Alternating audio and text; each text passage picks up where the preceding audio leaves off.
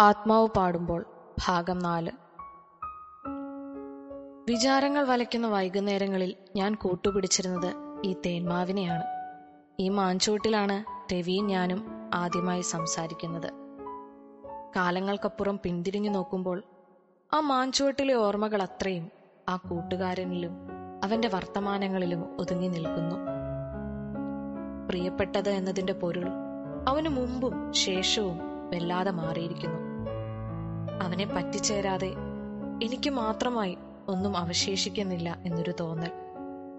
ആ ചിന്ത എന്തുകൊണ്ടോ എന്നെ വല്ലാതെ അത്ഭുതപ്പെടുത്തി. എത്ര വിചിത്രമാണല്ലേ? ഒടുവിൽ മനുഷ്യന് സ്വന്തമെന്ന് പറയാൻ ആകെയുള്ളത് അവനെപ്പോലെ അപൂർണനായ മറ്റൊരു മനുഷ്യൻ. അവിടെയും സ്വന്തമെന്ന് വാദിക്കാനോ അയാളെ അറിയാമെന്ന് അവകാശപ്പെടാനോ കഴിയാത്ത വിധം അഗാധമായ അനിശ്ചിതത്വം.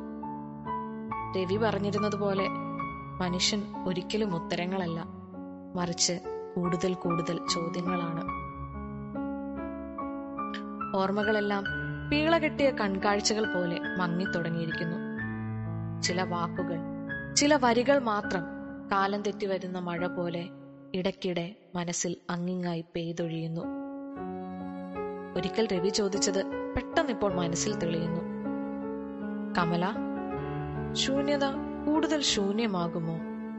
ഇരുൾ പിന്നെയും ഭയാനകമാം വിധം ഇരുളുമോ? നിശബ്ദത ഇതിലും നിശബ്ദമാവുമോ?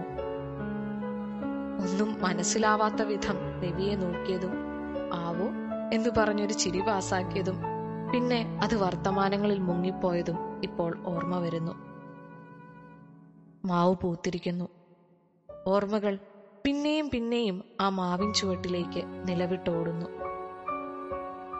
ഹൃദയം തുളയ്ക്കുന്ന നിശബ്ദത. ആത്മാവ് കീറുന്ന ശൂന്യത. കണ്ണുകളിൽ കണ്ണുനീർ നിറയ്ക്കുന്ന ഇരുട്ട്. രവിയുടെ വാക്കുകൾ വീണ്ടും വീണ്ടും ഒഴുങ്ങിക്കൊണ്ടിരുന്നു ശൂന്യത കൂടുതൽ ശൂന്യമാകുമോ? ഇരുൾ പിന്നെയും ഭയാനകമാം വിധം ഇരുളുമോ? നിശബ്ദത ഇതിലും നിശബ്ദമാകുമോ? ഞാൻ പോലും അറിയാതെ ആ ചോദ്യത്തിനുത്തരം എന്നെ തേടിയെത്തിക്കഴിഞ്ഞിരുന്നു. ശൂന്യത കൂടുതൽ ശൂന്യമായിരിക്കുന്നു. നിശബ്ദത കൂടുതൽ നിശബ്ദമായിരിക്കുന്നു. ഇരുൾ കൂടുതൽ ഇരുണ്ടിരിക്കുന്നു. നിനക്ക് ശേഷം.